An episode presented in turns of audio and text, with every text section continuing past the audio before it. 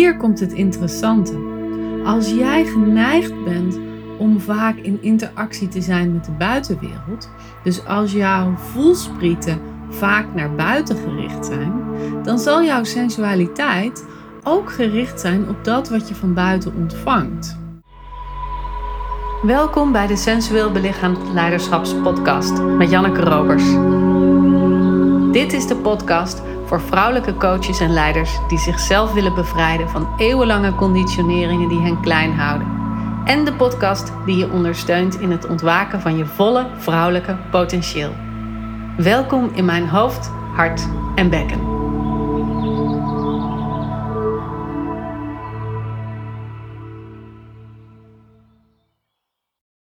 Ik kreeg een vraag van een luisteraar.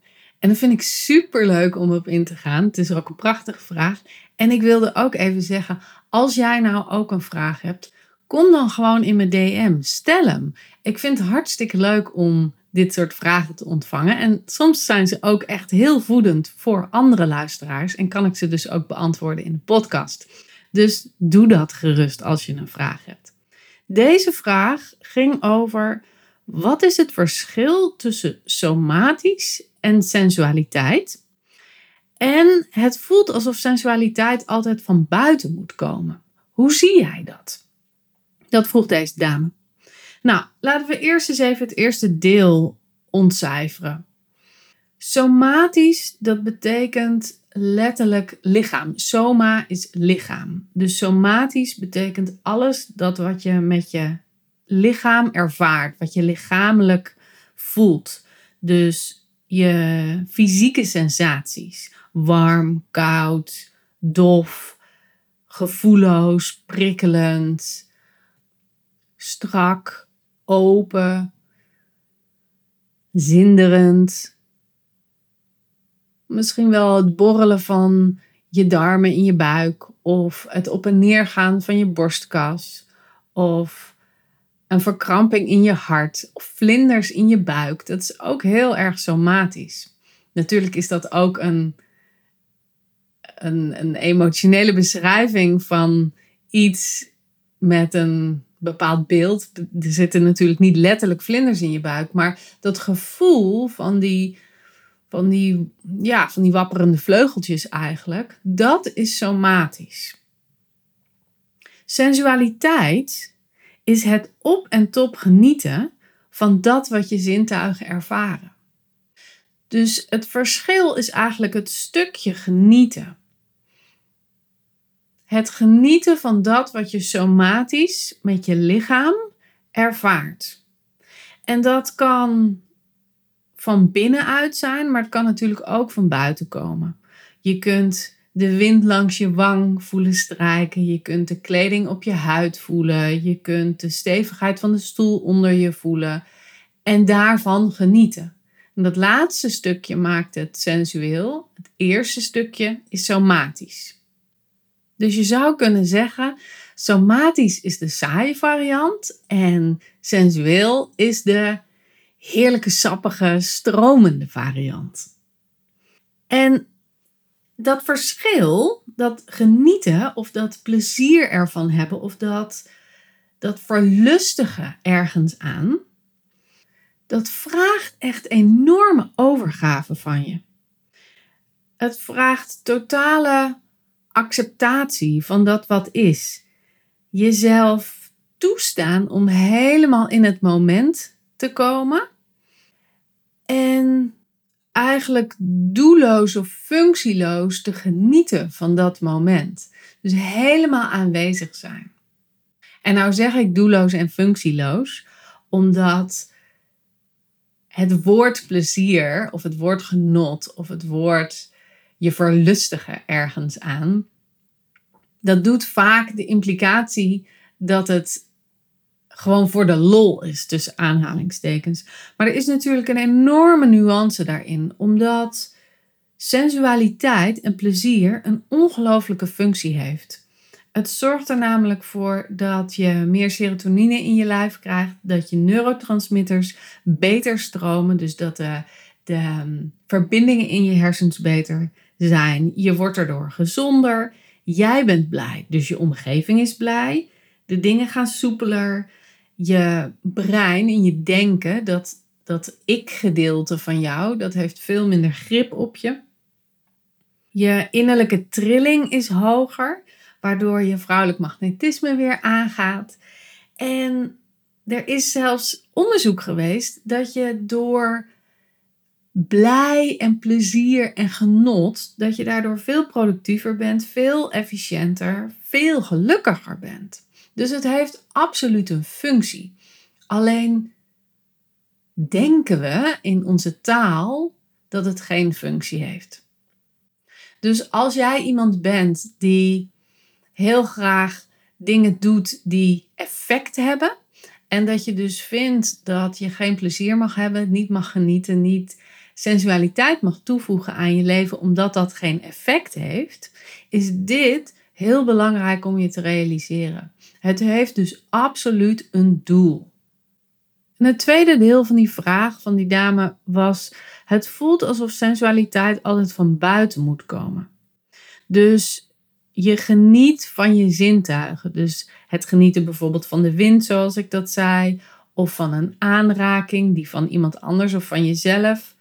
Je geniet van dat wat je ziet, wat je proeft, wat je tot je krijgt. Dat komt allemaal van buiten naar binnen. En daar heeft ze in zekere zin gelijk in.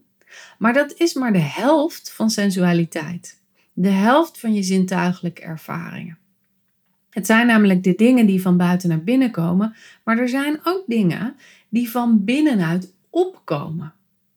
Een heel mooi voorbeeld is bijvoorbeeld als je zwanger bent, dan kan je de baby in je buik voelen. Dat is aan de binnenkant van je lijf. En natuurlijk kun je dan zeggen, ja, dat is ook iets externs. Maar zo kun je ook het borrelen van je buik voelen. Hè? Dat is intern, dat is echt van jou. En het mooie was, dat vind ik wel leuk om even te vertellen, dat toen ik zwanger was, toen kon ik de innesteling kon ik voelen. Ik kon het naar binnen komen voelen van het, het zieltje, als het ware. Ik kon in die eerste, nou ik denk dat het twee of drie weken waren, kon ik heel veel stroming voelen en heel veel, ja, al die cellen die zich dan gaan vermenigvuldigen. Hè? Nou kan ik dat, dat vermenigvuldigen van die cellen niet voelen, maar ik kon wel heel veel die energetische stroming voelen. En normaal gesproken ervaar je pas somatisch iets tussen nou, 16, 20 weken ongeveer. En voor mij duurde dat veel langer. Ik kon dus wel het eerste deel voelen, maar ik, het, het, het echte fysieke voelen was pas veel later. En ik denk dat dat komt omdat ik daarvoor twee miskramen heb gehad. En ook op, op een bepaalde manier een beetje bang was dat mijn dochter ons zou verlaten.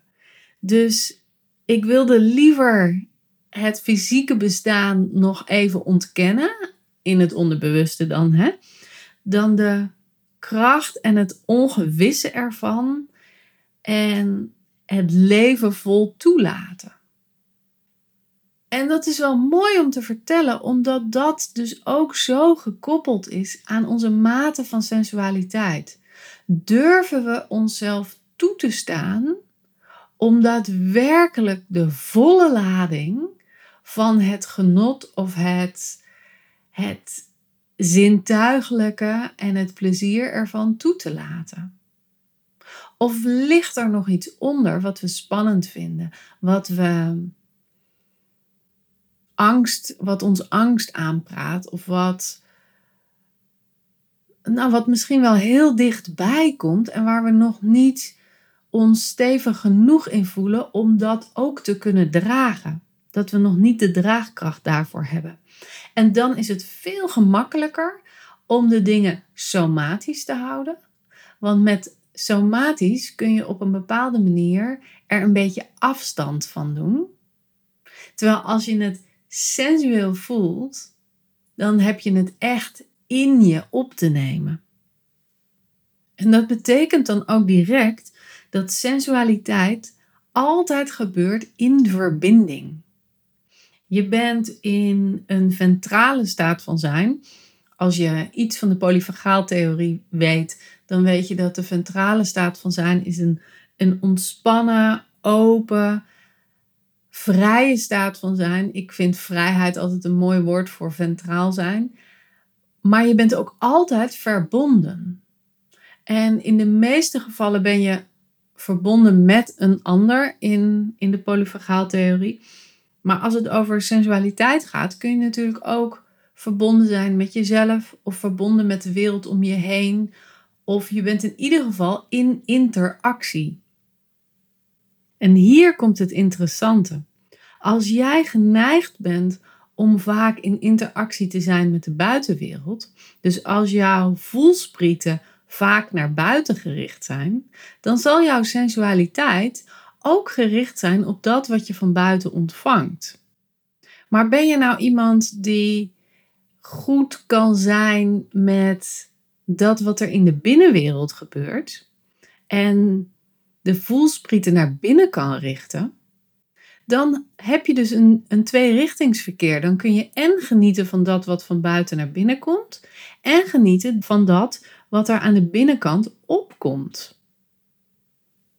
En dat is ook waarom sensualiteit ontwikkelen zo goed is voor vrouwen die nou een beetje te veel openstaan en zo heel erg gericht zijn op de ander of de wereld om zich heen, omdat ze daarin juist leeglopen en energieverlies ervaren en veel, nou ja, het contact met hun eigen lijf verliezen.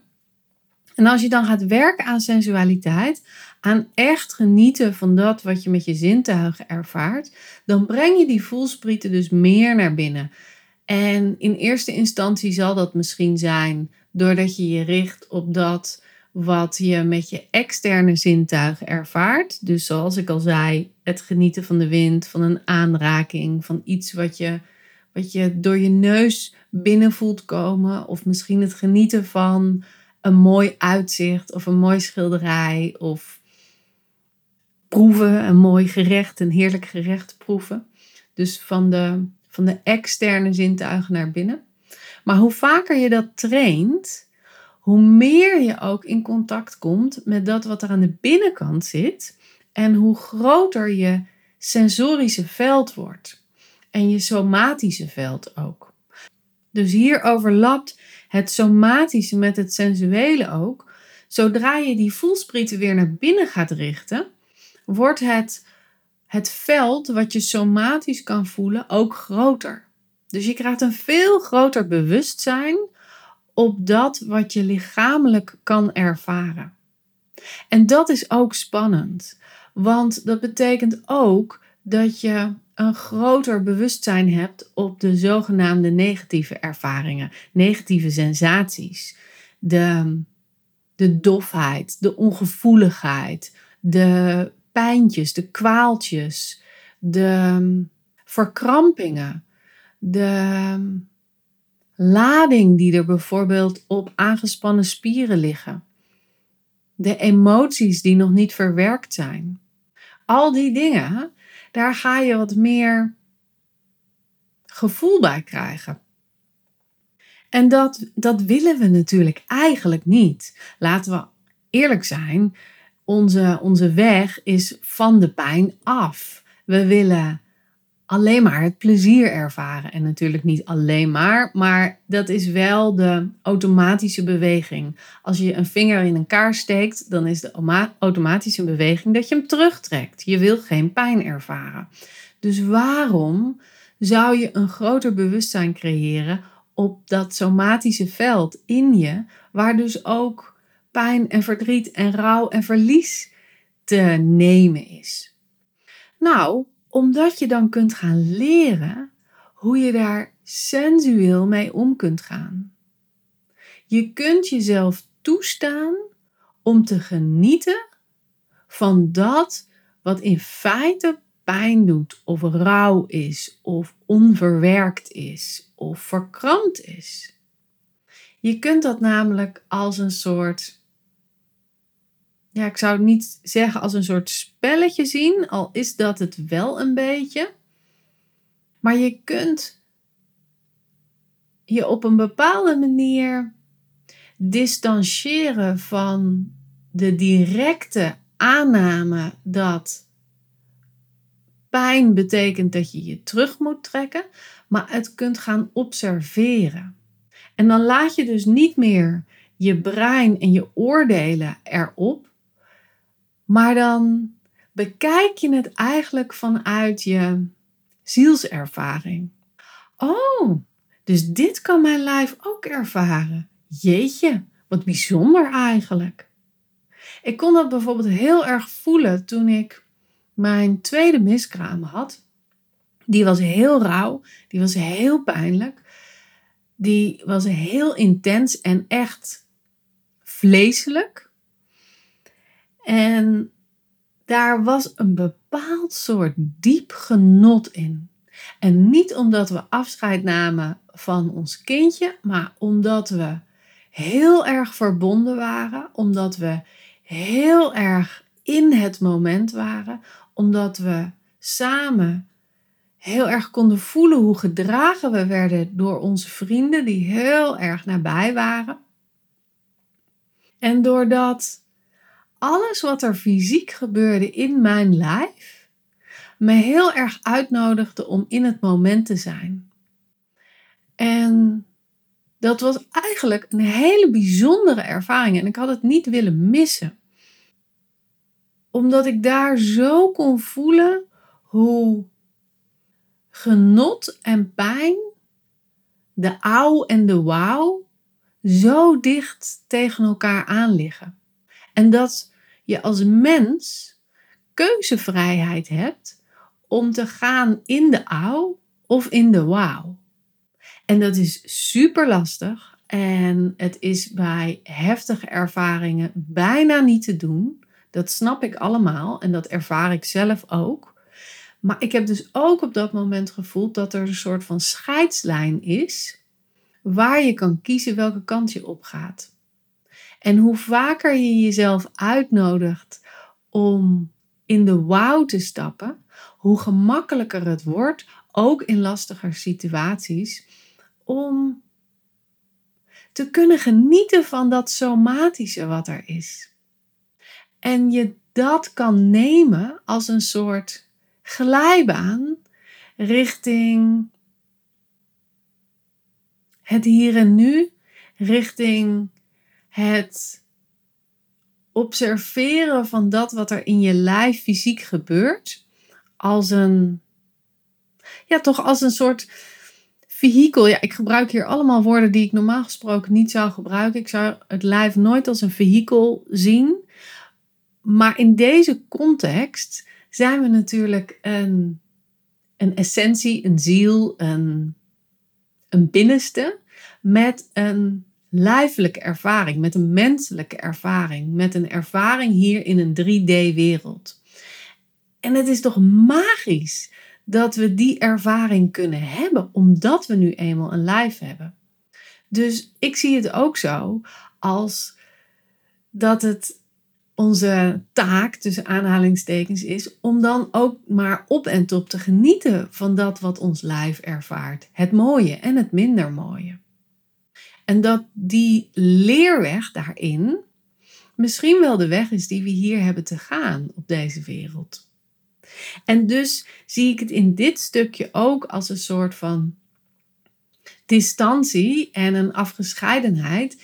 Niet in de zin van dat we onszelf um, dissociëren van onszelf, maar wel als een vorm van dat we net even van een afstandje kijken en, en observeren van hé, hey, hoe werkt dat eigenlijk met dat lijf? En wat doet dat lijf eigenlijk?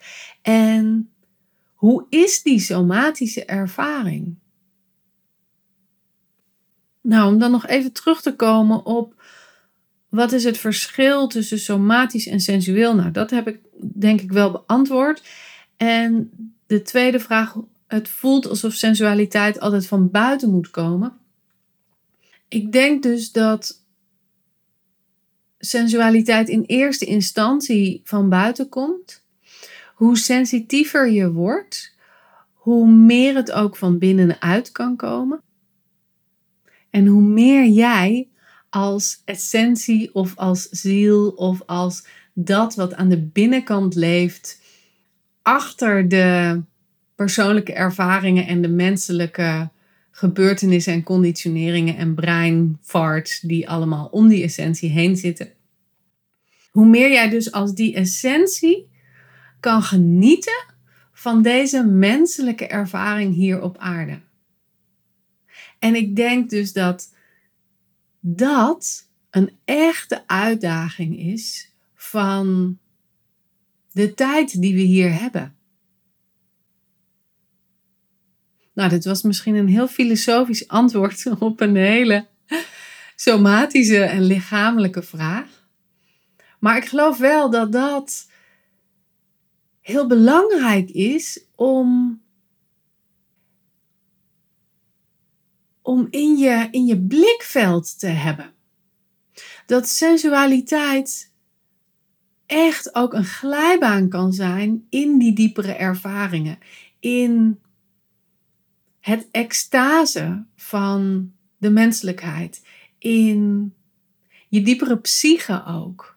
En, en dat, het, dat het je helpt om echt te incarneren, in het karnen komen, in het vlees komen, in het lijf komen van, van, jou, ja, van jouw omhulsel. Hè?